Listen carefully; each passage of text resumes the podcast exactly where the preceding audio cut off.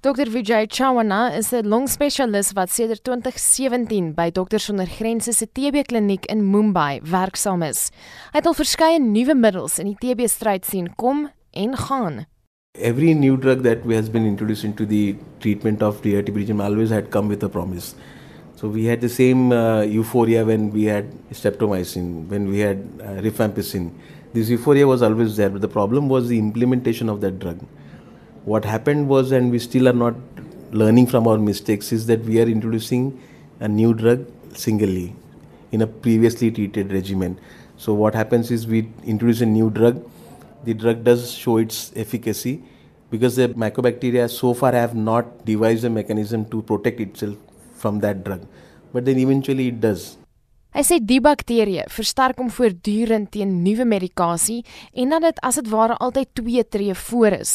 Om dus op een nuwe middel te fokus, gaan nie die probleem oplos nie. We need to have multiple drugs and in a well thought of and planned manner to be treated. The problem with any disease is it's a triad. It's a triad of host, environment and the agent.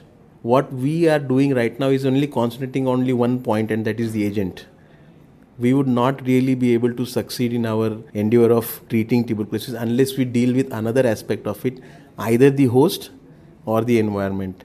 I mean verder dat die Wêreldgesondheidsorganisasie oftewel die WHO ook fyn dopgehou moet word vir krake. Uit vorige ervaring sê mediese personeel het waardevolle tyd verloor juis weens WHO riglyne. Even the WHO had come out with a short course regimen for DRTB they were not very clear as to short course regimen to be given to which patients. Even when we started the short course regimen in our country, we were having issues because we were not checking whether ethionamide would be effective. But in spite of not doing that, we had still included that in the regimen. It's been a year now, and now the guidelines have changed. Now they are going to do first line LPA before starting short course. But we lost one year.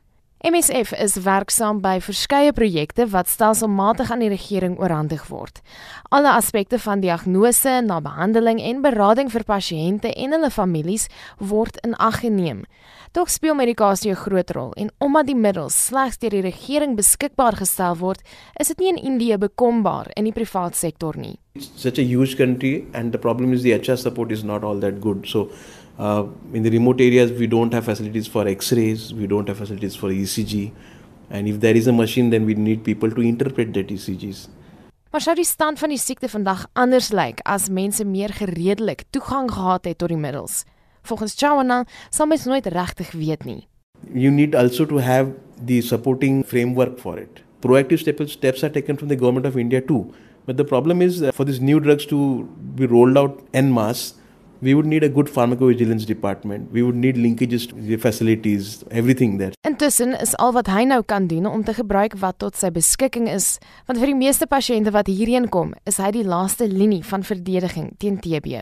The patient, you know, he looks at you saving his life and for treatment and you from the other side of the table cannot really assure him success because you know that it's very difficult for the patient to survive with this kind of a disease most of the time patient comes to us with such extensive lung involvement that you know you feel like you know you start telling them about end of life care. Since the patient is there and we need to try we try. So that, that's the whole story behind it.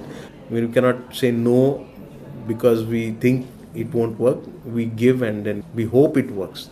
You cannot predict.